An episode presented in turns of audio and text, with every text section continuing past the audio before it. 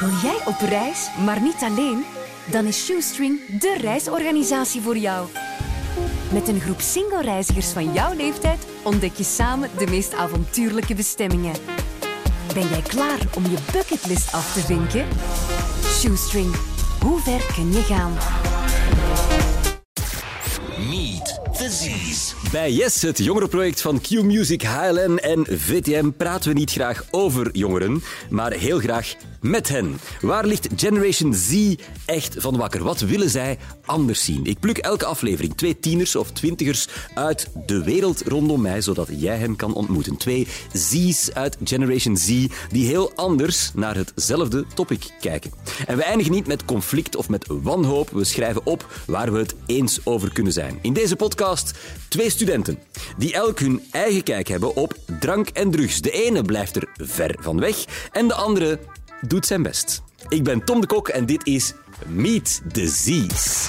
Meet the Z's. Jana Roelen en Jeff de Splinter, welkom. Hallo. Hallo, Aan mijn tafel. dankjewel. Iedereen op zijn gemak. Ja, Ja? zeker. Ja, eigenlijk wel. Iedereen heeft- heeft iets om te drinken gekregen? Ja. Zit er alcohol in? Eh, Nee, voor zover je gecheckt Nee. hebt niet. Ehm, ik heb jullie allebei online gespot. Ehm, Jeff, jij bent 22? ja. Ja. Bij jou was het heel makkelijk, want jij probeert live op TikTok van de wiet af te geraken. ja, klopt. Ja, en dat, is- dat inspireert heel veel volgers. Ja. Eh, je hebt daar de eerste video waarin je dropte wat hij ging doen in augustus. Heeft ondertussen 25.000 hartjes en ja. hoeveel En views? 440.000 weergaves. En dus passeerde jij op onze eh, radar. En Jana, jij bent eh 19. Ja, klopt. Jou ben ik onder andere tegengekomen ehm, op 21bis, dat is een nieuwssite door studenten, waar je onder andere het verhaal van je, van je papa vertelde, Ja. waar we het straks nog verder over kunnen hebben, als je dat wil. Ehm, je hebt ook iets met Q-Music. Klopt dat? Vertel, wat, welk duister Klopt. verleden heb je met ons? Wow. Ja. Eh, ik heb deze zomer twee weken in het Q Beach House gewerkt. Dat zijn de beste, de beste mensen. Superleuk. onze strandbar die we elk eh, jaar open doen. En hoe toepasselijk voor dit onderwerp hebben we het zo meteen over. Eh, ik dacht, twee mensen die we moeten uitnodigen eh, om het over drank en drugs te hebben. Waarom zal zo meteen nog verder blijken. Ik ken jullie al een beetje, maar de luisteraar nog niet, natuurlijk. Eh, we gaan kennis maken. En jullie zien dat niet, maar ik zit hier eigenlijk niet alleen. Ik heb ook een sidekick, maar die mocht niet veel kosten, dus die heet ChatGPT. En ik heb alles wat ik over jullie weet in ChatGPT gefeed. En dit zijn de vragen die er dan zijn uitgekomen. Dit is wat ChatGPT van jullie wil weten. Spannend. Eh, Jeff, Ja. dit is dus ChatGPT speaking. Kun je ons vertellen over jezelf, je leeftijd en wat je momenteel doet als ambassadeur en content creator? Wauw. Dat is Ehm, breed, ChatGPT. Yes. Ik, eh, ik ben Jeff de Splinter, ben 22 jaar. Ik ben afkomstig van Zottegem, maar ik kan nu wel echt zeggen dat ik een echte Gentenaar ben. Ehm, zoals je zelf zegt, ik ben brand ambassador voor eh, hondenvoeding. En ik vind dat super leuk om met mensen te praten en eh, over, hun, over hun hondje. Want ja, wie, wie praat er nu niet graag over hun hondjes? Ja, dat is zoals de kinderen. Hè, ja. Voilà, voilà, voilà. Ja. Ehm, ja, ik ben een, een tijdje geleden, een half jaar geleden, begonnen met content creëren. Maar ik wou dat eigenlijk al, al heel lang doen. En dan spreek ik echt al over meer dan vijf jaar. Maar er was altijd iets dat mij tegenhield. En daar, gaan we, daar hebben we het dus Ja, nu over. En voilà. dat is dus drugs. Ehm, en ja, eh, wat nog? Ik, Het is eh, gebeurd, ja. Je het bent is nu gebeurd, vertrokken. klopt. En hoe je daar gekomen bent, dat, dat kunnen we straks eh, rustig bespreken. Jana, ehm, kun je ons vertellen, vraagt ChatGPT, over jezelf en wat je studeert in de opleiding Media en Entertainment? Dat is eigenlijk al een antwoord in een vraag. ChatGPT Ja. snapt het niet helemaal goed. Ja, dus wat studeer je? Vertel eens iets over jezelf. vraagt Eh, ChatGPT. ik studeer media en entertainment business aan Thomas More in Mechelen. Superleuk, mijn tweede jaar nu. Eh, ja, wat doe ik daar? Je doet daar echt van alles. Je, Ik denk dat ChatGPT eigenlijk wil weten wat jij later wil worden als je groot bent. ah. Eh, liefst presenteren. Iets met presenteren of achter de schermen van televisie of iets. Ja, ik kan wel. dat van harte aanraden, dat is een plezante job. Ja. Ehm, nog eentje voor Jana. Hoe zou je jezelf omschrijven in slechts drie woorden? Oei, oei, oei. Een Ehm, goede vriendenboekvraag, ChatGPT. ja, eigenlijk wel, hè. Ehm, enthousiast. Ja. Eh, sociaal en toch ook wel koppig. Ah, ja. Ja. Oké, goed, goed, goed. Ehm Jeff, Ja. ehm, Je hebt gedeeld, zegt ChatGPT, dat je een verslaving hebt gehad. Ja, zou je dat zo zeggen? Ja. Hebt gehad? Of Ja, heb je die nog? ik- uiteindelijk heb je het nog. Hè. Ja. Dat- ja, ik denk er nog steeds aan en de drang is er nog steeds. Maar ChatGPT wil weten hoe begon deze verslaving en wat waren de eerste tekenen? Oeh. Ehm, het begon allemaal bij dat, dat ik het alleen begon te doen. En dan hebben we het over cannabis. Ehm, en dat ik tegen mezelf zei dat ik dat niet was, eh, maar het toch deed. En dat ik wel zei dat ik kon stoppen, maar het, het niet deed. En dat ik ja, tegen mezelf loog. En dat niet per se naar mijn ouders toe of naar mijn vrienden of familie of zo, dat niet, maar echt puur naar mezelf. En dat ik mijn geld begon kwijt te geraken en mezelf begon te verliezen. Goh, dingen die ik wou doen in mijn leven altijd maar uitstelde. Dan heb ik het niet op vlak van huishouden en zo, want ik woon al even alleen. Want dat was dan wel de dingen die ik wel nog deed. Maar op vlak van de dingen die ik wil bereiken in mijn leven. Ja. Eh, want ik ben als persoon super sociaal ook. En, maar dan overdreven sociaal. Maar als ik dat dan deed, dan is altijd zo met, met een sleur. Of dan interesseerde het me eigenlijk niet eh, met, in het gesprek dat ik met die persoon had. En ja, ik voelde dat dat mij echt ja, mij overnam. Dat was zeggen. signaal voor jou van ik, ik heb dit zelf niet meer in de con- onder controle. Ik ben Ja. niet mezelf. Ik, ik Nee, maak klopt. mezelf iets wijs. Klopt. We duiken daar zo meteen verder in. Jana, voor jou eh, ook een, ehm, een iets diepere vraag van ChatGPT. Eh, je bent je papa verloren in 2016. ChatGPT vraagt, wat is een speciale herinnering die je hebt aan je vader? Wat zijn de dingen die je het meest aan hem herinnert? Een mooie vraag. Oh, ja, wel mooi. Ja. Ehm, ik denk ja, hoe hij gewoon was. Hoe, ik, ik, ja, hoe dat ik nu ben. Veel mensen vergelijken mij vaak met mijn papa. Omdat veel mensen zeggen, maar je hebt zoveel trekjes van je papa. En mijn papa zat in de entertainmentsector. En daar ben ik nu ook op weg naar aan het gaan. En eh, ik ging ja, naar mijn papa. Ja, ik ben met mijn papa naar mijn eerste festival gegaan. En dat is wel zo'n herinnering van, oh wauw. Want met hem kon ik dat echt super, ja, gewoon doen. En dat Ja. was kei tof. En nu denk ik ook wel vaak van, oh, stel je voor dat ik nu met mijn papa gewoon op Tomorrowland zat of zo. Ja. En ja, dat Tuurlijk. toch wel zo, de muziek of zo, toch wel met hem delen. Ja. Er zijn ergere herinneringen. Dat is een mooie herinnering. We zullen ChatGPT, mijn sidekick, eh, even laten rusten. Want nu we over je papa begonnen zijn, wil ik dat verhaal eigenlijk graag verder afmaken. Je papa was ehm, buiten je gids eh, in de muziek en de media en festivals.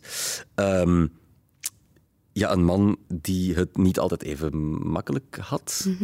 Eh, je ouders zijn uit elkaar gegaan toen je negen was. Ja, klopt. Ja. Was dat een eerste teken dat er echt iets niet in de haak was? Wa- waarom zijn ze uit elkaar gegaan? Eh, ja, vooral omdat mijn papa gewoon heel veel problemen had in dan drank en drugs. Ja, ik was dan nog zo klein en mijn mama kon daar gewoon echt niet meer aan. Het ging niet meer.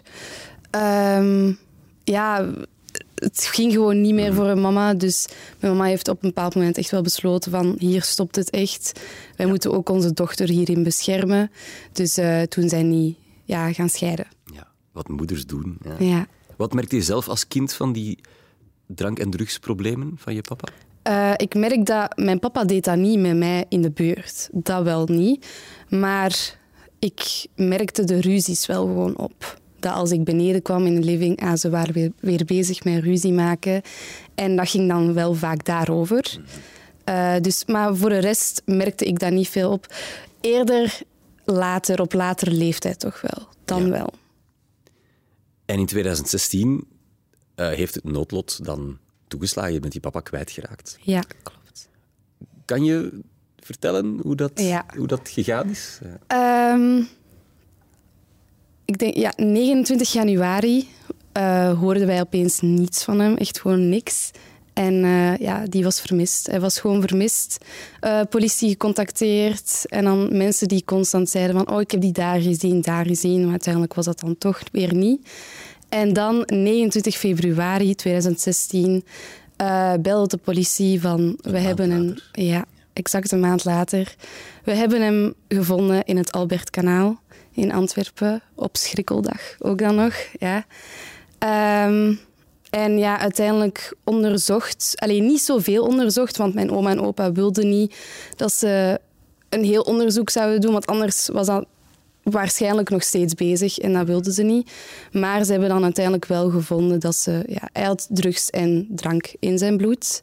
Ja. En dat dat misschien wel een oorzaak zou kunnen zijn, hoe, dat, hij, hoe dat hij in dat water is beland. Ja, want jij, dat heb ik dan eh, van jouw eh, eerdere verhalen daarover begrepen. Jij denkt niet dat je papa dat bewust, expres Nee, gedaan dat denk heeft. ik echt niet. Eh, ik denk ja, of er echt gewoon ingevallen of wat, want hij kwam van een feestje. Daar zijn ook camerabeelden van. Hij kwam van een feestje. Ehm, en het laatste beeld dat ze van hem hebben is dat hij over een brug liep gewoon. En ja, hij, zijn kleren zijn dan ook uiteindelijk gevonden aan de dijk, echt op de dijk. En daar, in die buurt, is hij ook gevonden. Dus ehm, Ja, ja, dus ja, het enige dat ik gewoon weet is dat er drugs en drank in zijn bloed zat. En ja. ik denk dat dat dan wel een van de oorzaken is, toch wel. Ja, jij, jij associeert dat alleszins eh, Ja. met elkaar, wat ook perfect eh, logisch lijkt. Dat is een verschrikkelijk life-changing event geweest, uiteraard, voor jou. Mhm. eh, het verlies van je vader in die omstandigheden. Hoe heeft dat jou veranderd? Ehm, het heeft mij ook wel gemaakt tot de persoon die ik nu ben. Eh, ik ben heel snel op die leeftijd volwassen geworden, zal ik maar zeggen, omdat ik dan veel heb meegemaakt ook. Maar het maakt ook dat ik weg ben gebleven van drugs. Ja. Sowieso ook. En ook van roken, maar vooral ja, gewoon drugs en roken. Ik blijf daarvan weg, omdat ik weet wat de gevolgen kunnen zijn. En ik wil niet dat ik zoiets meemaak of zo. Omdat ik denk ook nog wel dat het misschien wel met opzet zou kunnen geweest zijn dat mijn papa is gestorven. Omdat dat in dat milieu misschien zo is of zo. Dat weet ik niet. Dat kan ook nog zoiets zijn. Ik ga het nooit weten. Maar ja, ik blijf er dan toch wel van weg door die dingen. Begrijpelijke, begrijpelijke beslissing. Dat heeft geleid tot... Rook jij? Nee, Eh, heb je ooit al geëxperimenteerd met eender welke drug? nee, nog nooit. Ook nog nooit gerookt. Drink je alcohol? Ja, dat wel. Veel. Nee, ik ken mijn grenzen daar wel in. Dus ik kan zat worden, dat wel. Ook wel geweest sowieso. Eh, maar ik ken ook mijn grenzen. Vanaf dat ik zat ben, dan is het ook, ah, dan weet ik het. En, gewoon, en dan kan ik ook gewoon zeggen, ah, van, voor mij niet meer of zo. Dus Ja. ik kan wel nee zeggen. Dankjewel voor je verhaal. Daar duiken we straks nog verder eh, in. Jeff, jouw verhaal is helemaal anders. Ja. Eh, laat mij beginnen met te vragen of ik jou vandaag ook proficiat mag wensen. Ja. En ik hoop van harte wel. Ja, Dan is dit je, op het moment dat we dit opnemen, je 25e dag Yes. zonder cannabis. Cannabis. Yes. Ja, Hoe klopt. het? Goed. Eh, ik blijf opstaan en trots zijn op mezelf dat ik, dat ik al elke dag meer en meer het, het niet gebruik, zeg maar. Eh, let Ja. op, ik heb het al eens gedaan, een maand gestopt. Ehm, maar ik heb het dan om te vieren dat ik een maand ben gestopt.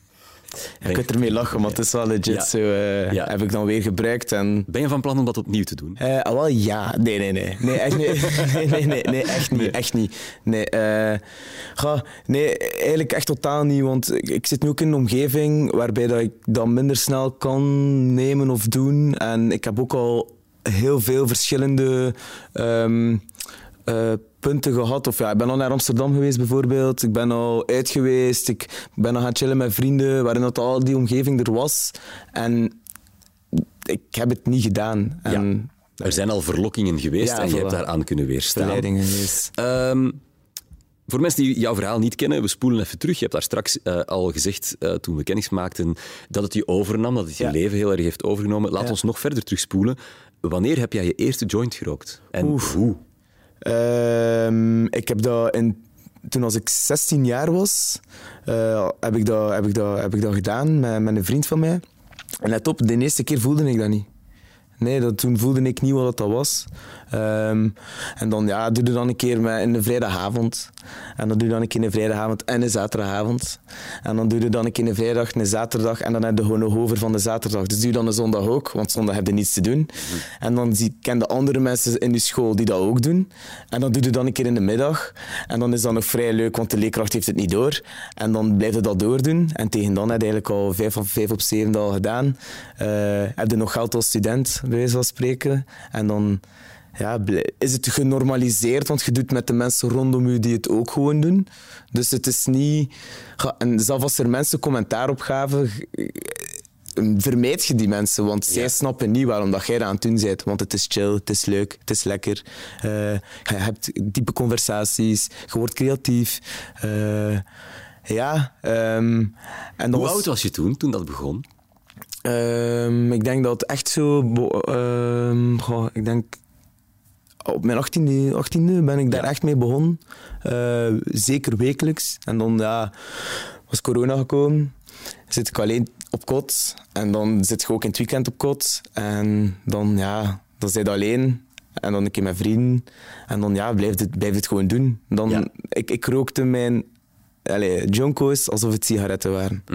En dan sprak ik over meer. Ja, ja. Ja, en dat was... eh, je hebt er zelfs een grammage opgeplakt op eh, TikTok, zag ik. 25 gram per week. Ja. Hoe, hoe betaalde je dat allemaal? Ehm, ik had nog een supergoeie job. Ik heb, of ik heb een supergoeie job. In de sales verdiende naar hoe dat jij werkt. Dus je krijgt je eigen commissie, je eigen bonussen. Hoe meer mensen dat je inschrijft, hoe meer geld dat je verdient. Dus ja, En jij bleek daar zeer goed in te zijn. ja, ja dat, dat, allee, dat- ik ben sociaal, zoals ik al zei. En, en, allee, ik, mijn mama is ook psycholoog, dus ik weet op welke puntjes ik een persoon moet aanraken om mijn deal Ja. van spreken te, te sluiten. Maar het ging vooral over dat ik meer van dan de helft van dat geld, en dan spreek ik echt over hele mooie maandloon, gewoon naar dag geef. Ja. Dat was mijn prio. Heb je het ooit uitgerekend hoeveel, eh, hoeveel er in Ja. er ook is opgegaan? Hoeveel euro? Ah, in In totaal? ja. Oeh. Over hoeveel hebben we het dan? Eh, dat is wel een mooi...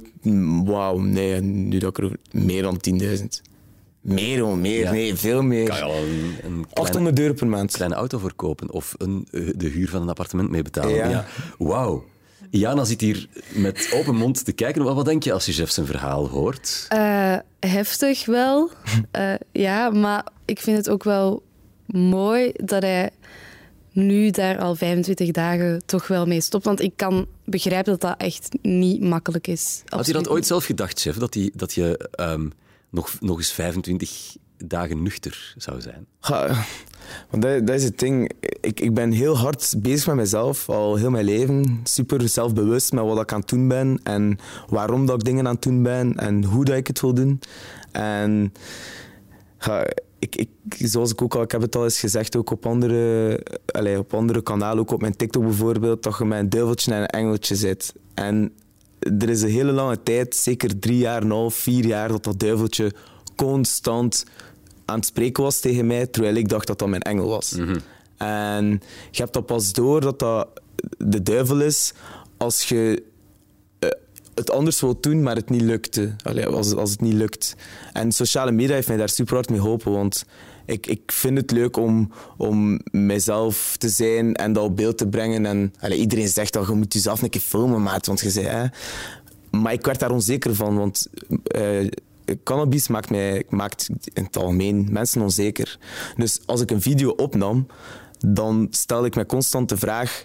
Is dat wel lukken? Is dat wel goed wat ik zeg? Eh sta ik er al niet goed op? Noem maar op. Je zou net denken dat de roes van cannabis die drempel wegneemt. En zodat het je minder Nee, kan want schelen. ik werd nog gekker. Ik, Ja. ik ben al zelfbewust. Ik stel me al heel veel vragen naar mezelf toe.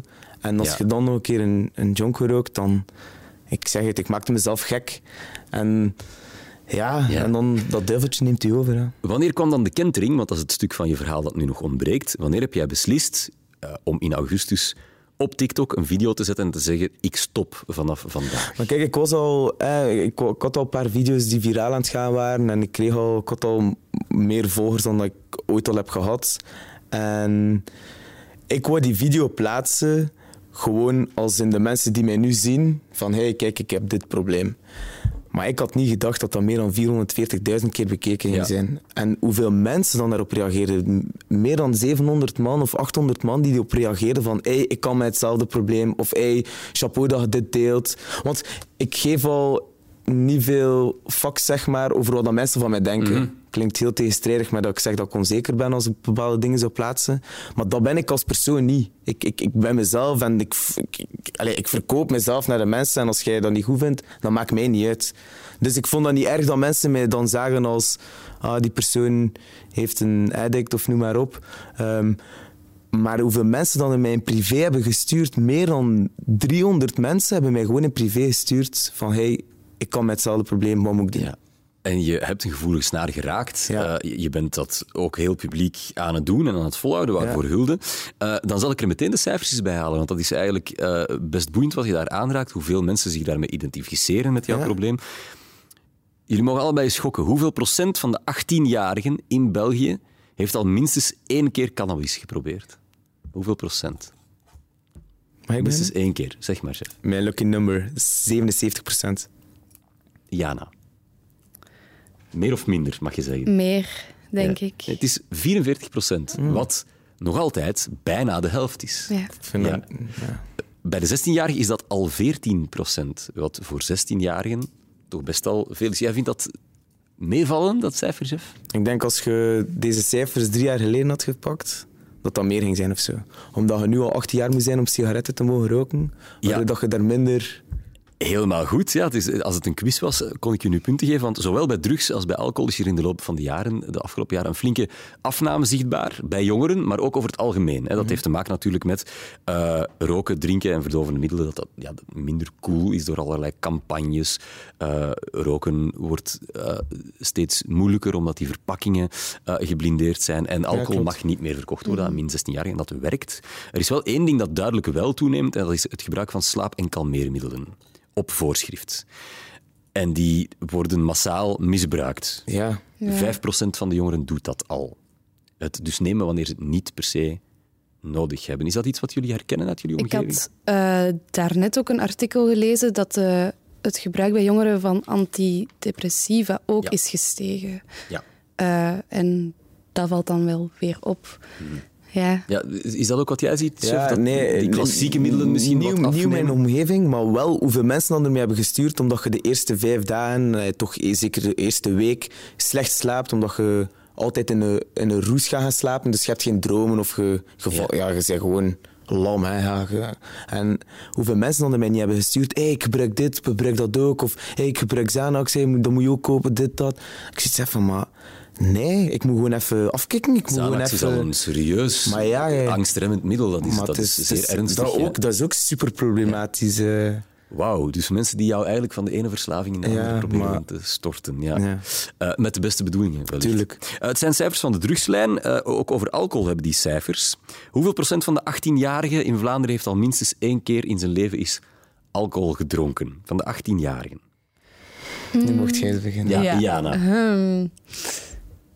71 procent. Wat denk jij, chef? Minder. Minder. Het is 95 procent van de 18-jarigen heeft al minstens één keer alcohol gedronken. Ehm, Maar een glas of... Ja, eh, ooit eens alcohol gedronken. Maar wacht. Hoeveel procent van de studenten in Vlaanderen speelt elke maand een drankspel? Maandelijks.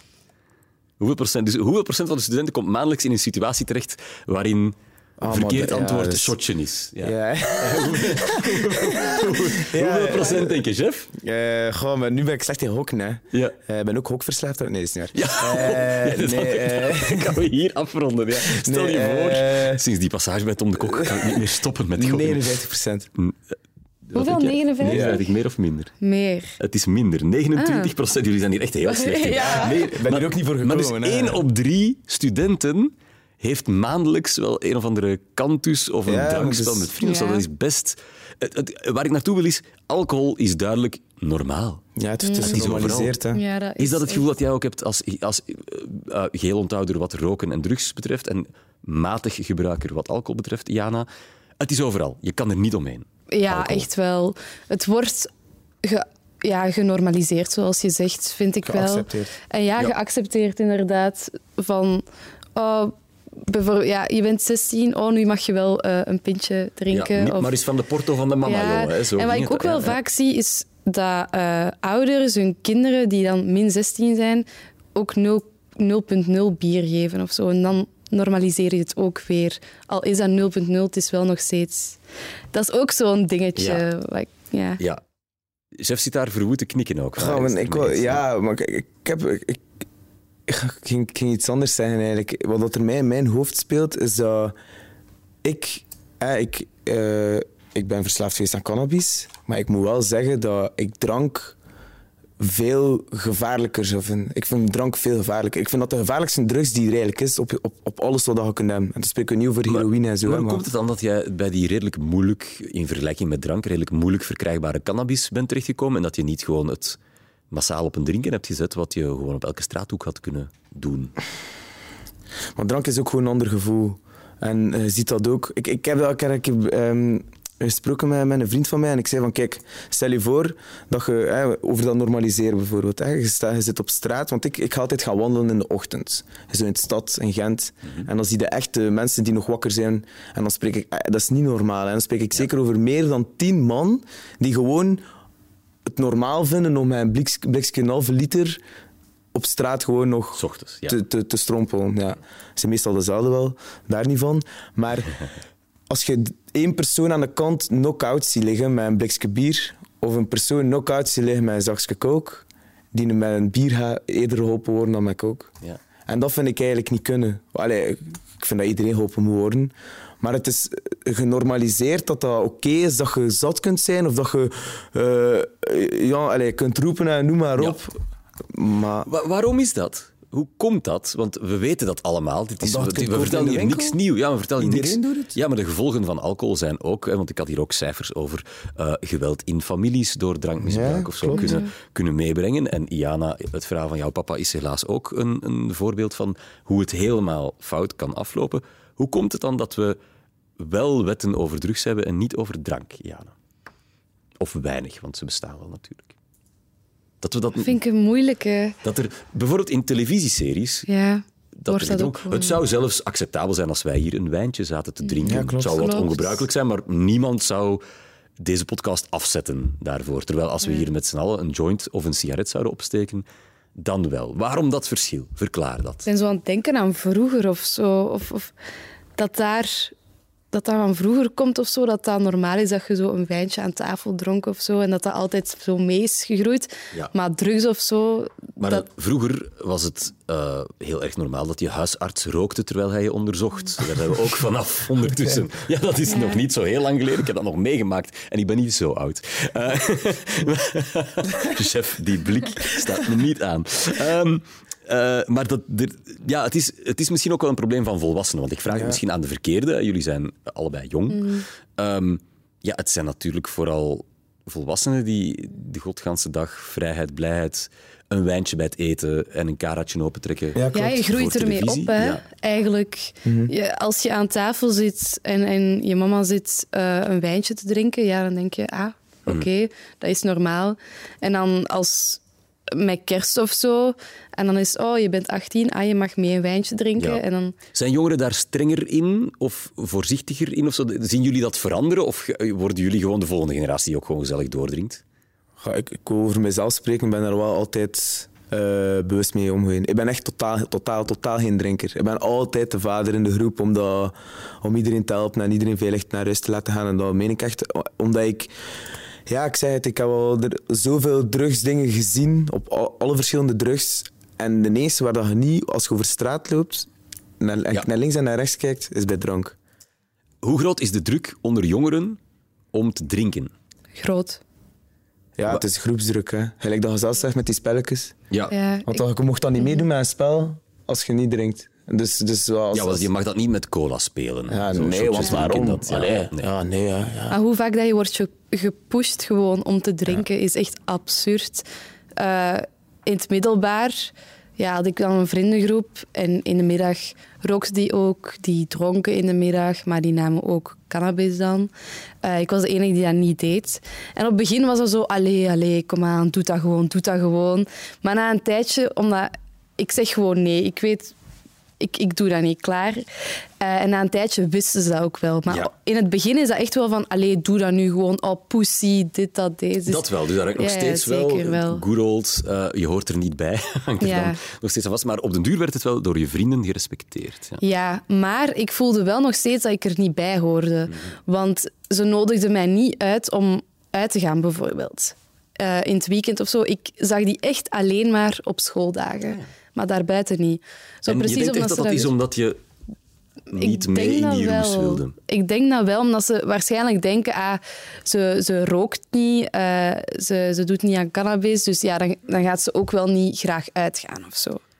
Chef, ben jij de voorbije 25 dagen vrienden kwijtgeraakt die zeggen van als jij niet meer mee wiet rookt, dan hoeft het niet voor ons? Nee, maar het is ook wat ik daarnet zei. Mensen die wiet doen, die zoeken elkaar op. Mensen die geen wiet doen of geen drank doen, die zoeken elkaar ook op. Dus ik snap al wat je zegt van ik ben kort minder snel uitgenodigd. Maar als, als het echt over je echte vrienden gaat, dan, dan, dan, dan, Dan speelt dat Maar dat is ook wel ja. anders, want die vrienden had je al, snap Ja, je? tuurlijk, tuurlijk. En bij mij is het zo gegaan, als in, ik had die vrienden nog niet, ik heb die vrienden dan gekregen in het middelbaar, maar die rookten al en zo ging het dan omhoog. Ah, maar jij, jij rookt niet mee, dit, dat, deze, Ja. en dan is het weer minder. Je kan je natuurlijk afvragen, kan je feesten zonder drank en drugs? Hoe hard...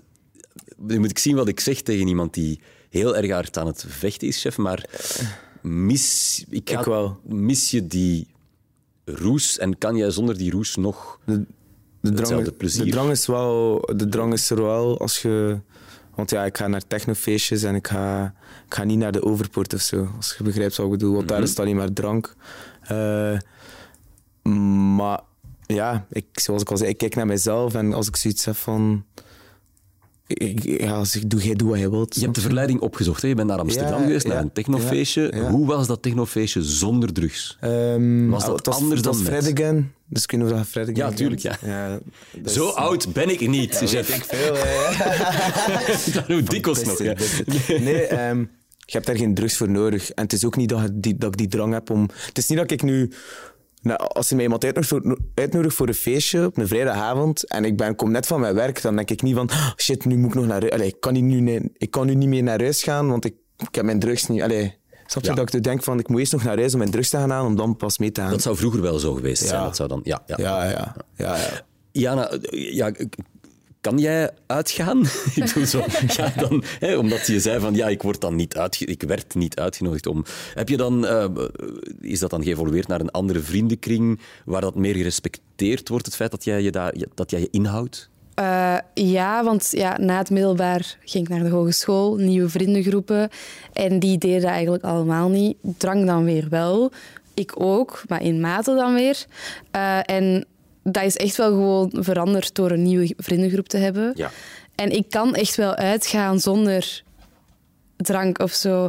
Of ja, overlaatst ook. Wij gingen naar een karaokebar, maar dat waren met, nog met andere mensen. En eh, ze hadden mij drank aangeboden. Ik zo, oh nee, het hoeft vanavond, moet het niet voor mij. Die zo, alleen maar gaat jij nuchter naar een karaokebar? Ik zo, ja? Vind ik ook wel een heel extreem voorbeeld, maar ik begrijp het. Ja. Ja. Nee, ehm, ja, en dat heb je uiteindelijk gedaan. Ja. Ja, tuurlijk, omdat ik weet dat ik mij kan amuseren zonder Ja. alcohol. En ik nog steeds heel... Maar ik ben sowieso wel al heel los. Ja, want wat is, dat, is daar dan... Daar heb je wel wat zelfvertrouwen voor nodig. Om, Ja. om dan te zeggen van, ik heb geen roes nodig in een karaokebar. Daar heerst... Ik begin er vanzelf wat lacherig over te doen, maar eigenlijk is het helemaal niet zo grappig. Ehm er heerst zowel de idee van, ja, dat is echt iets wat we alleen doen als we Mhm. op ons hoofd staan. Maar dat is voor jou niet nodig. Nee, omdat... Ja, ik weet niet. Ik snap wel misschien bij sommige mensen die dan zo iets verlegener zijn of zo dan ik, eh, dat die dan weer wel alcohol gaan nemen, omdat die dan losser willen komen. Maar ik ben sowieso wel iemand die vrij los is. En een karaokebar, ja, ik kan me daar supergoed amuseren zonder alcohol. En ik kan nog steeds echt losgaan. En ik denk ook zo vaak van...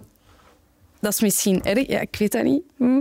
Eh, van, ja, zij weten niet dat ik geen alcohol op heb. Ja. Dus het- het kan ook dat zij denken, oh, die zat... Ja, ze zijn zo dronken dat ze niet zien dat ik niet dronken ben. Voilà, Ja. ja. dat is, dat is. Of dat ze gewoon denken dat ik zat ben omdat ik zo los doe of zo. Dus Heb je ooit al een drankspelletje gespeeld? ja. Ja, dat wel. Ja, Ehm, ja er, is, er is best wel wat, wat druk. Chef, in jouw geval, hoe komt het dat jij... Je hebt de beruchte stepping stone-theorie. Mensen beginnen met cannabis en gaan dan via eh, ecstasy en speed en Ja. eh, komen uiteindelijk eh, bij meth en heroïne uit.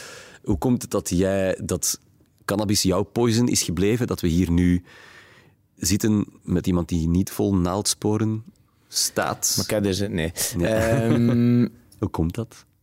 dat gaf mij gewoon een soort van rust of zo. Omdat ik deed dat vaak alleen en dat geeft u zo een soort van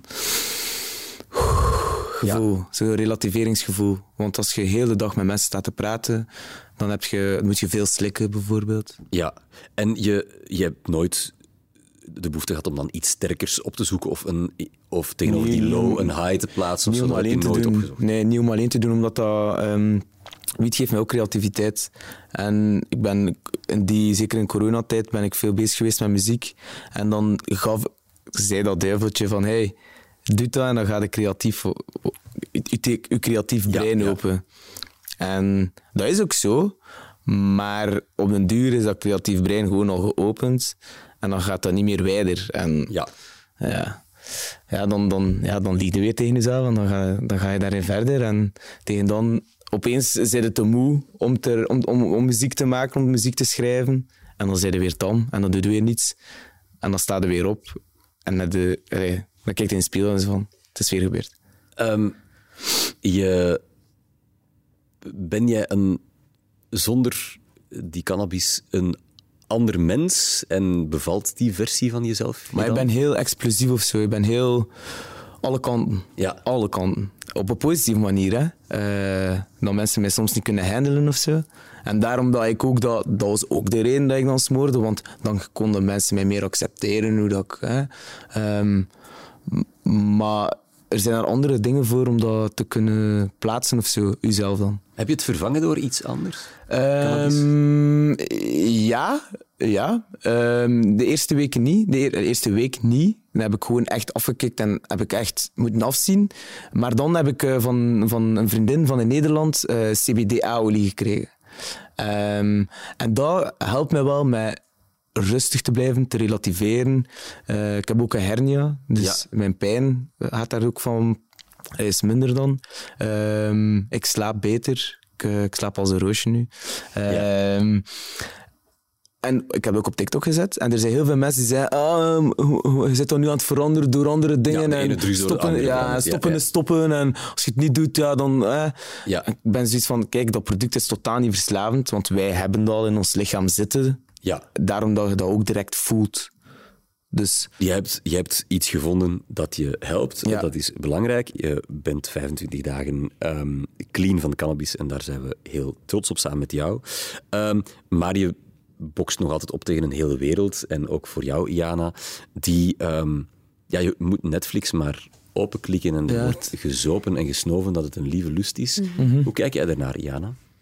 Ehm, als ik zo, ja, zo'n serie bijvoorbeeld kijk waar dat, dat wel veel wordt gedaan, dan denk ik gewoon in mijn hoofd van, dit is niet realiteit. Oké, misschien in sommige werelden wel, maar het is fictie. Het is een fictie. Ja, je zit naar fictie te kijken, maar Ja. ik, ik vrees wel dat iets als Ja, eh, ja, eh. Mhm. eh, Knokken Off of Euphoria, dat dat wel vaak aanleunt. Mhm. bij een, toch een bestaande realiteit. Ja. Ja, ik, Moet die getoond worden, of zou je liever hebben dat ze dat, dat stuk dan even niet tonen?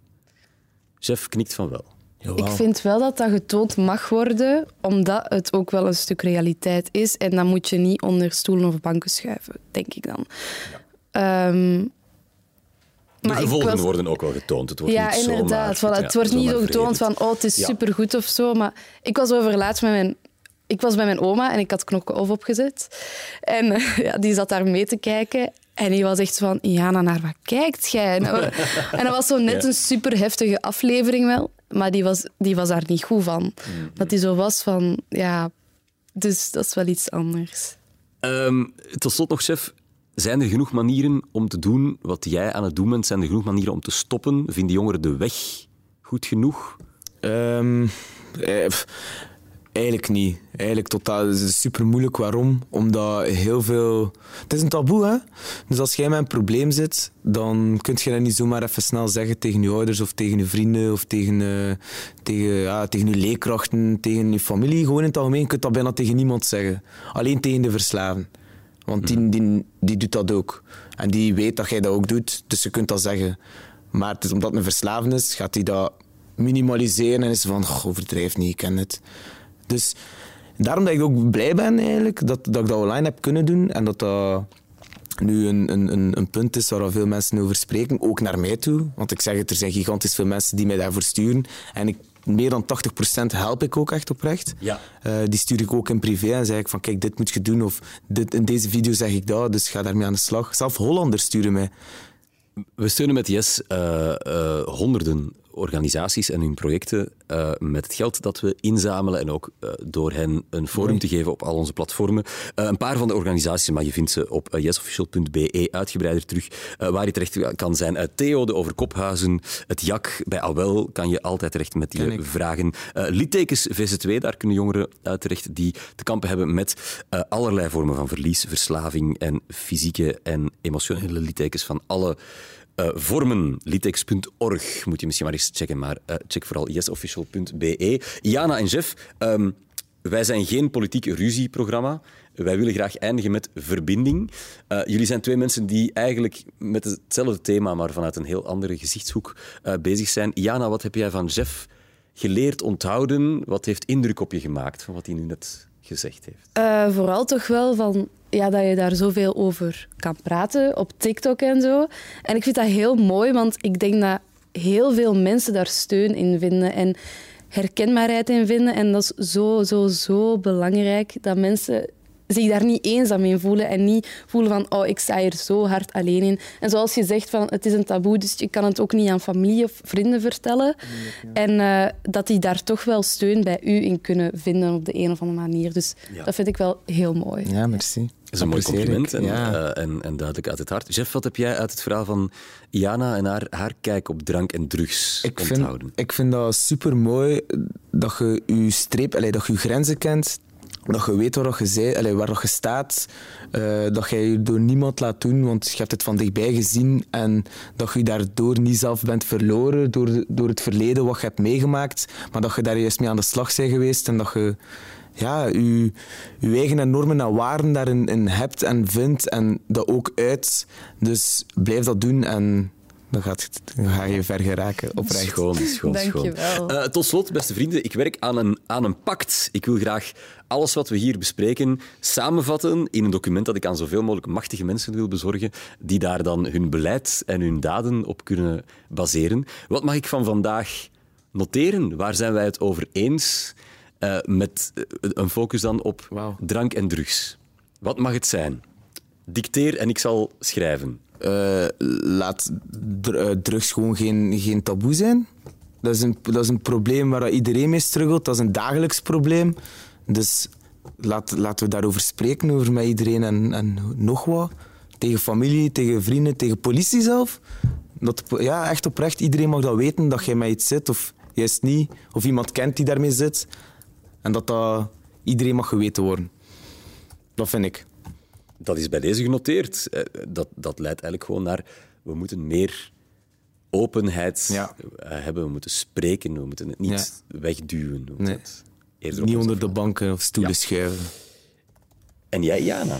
Ja, ik denk vooral als je mensen ziet die hulp nodig hebben, ga er naartoe en help die voordat het te laat is. Echt waar. Want voordat je het weet, is het echt te laat. Vrienden, familie, gewoon kennissen of gewoon mensen die je op straat tegenkomt, help die alsjeblieft. Want voordat je het weet, is het echt, echt te laat. En dat was ook het geval van mijn papa. En doordat mensen niet snel genoeg hebben ingegrepen. Dus ja, laat dat ook een, een, een kijk zijn daarop. Eh, mijn papa wilde hulp, maar er was een hele wachtlijst. Dus drie dagen na zijn dood ging hij normaal opgenomen worden. Dus laat dan gewoon die wachtlijst toch wel wat minderen of zo. En later, laat gewoon meer hulp komen. Dat is het gewoon echt. Want voor je het weet is het echt, echt te laat en gaat dat niet meer. Ja, dat zijn woorden waar ik heel weinig aan kan toevoegen. En die komen eh, recht uit je hart. Jana en Jeff, ik wens jullie allebei ehm, succes. Jeff, jou in het bijzonder. Merci. Eh, en blijf zo voortdoen. We zijn echt 100%. allemaal samen met heel TikTok. Geweldig trots op je. en jij, bedankt voor het luisteren of het kijken. Er zijn nog heel veel meer afleveringen in deze reeks vol boeiende ontmoetingen met Generation Z. Rate ons, beveel ons aan, deel ons, vind ons op yesofficial.be. Dit was Meet the Z's. Tot de volgende. Meet the Z's.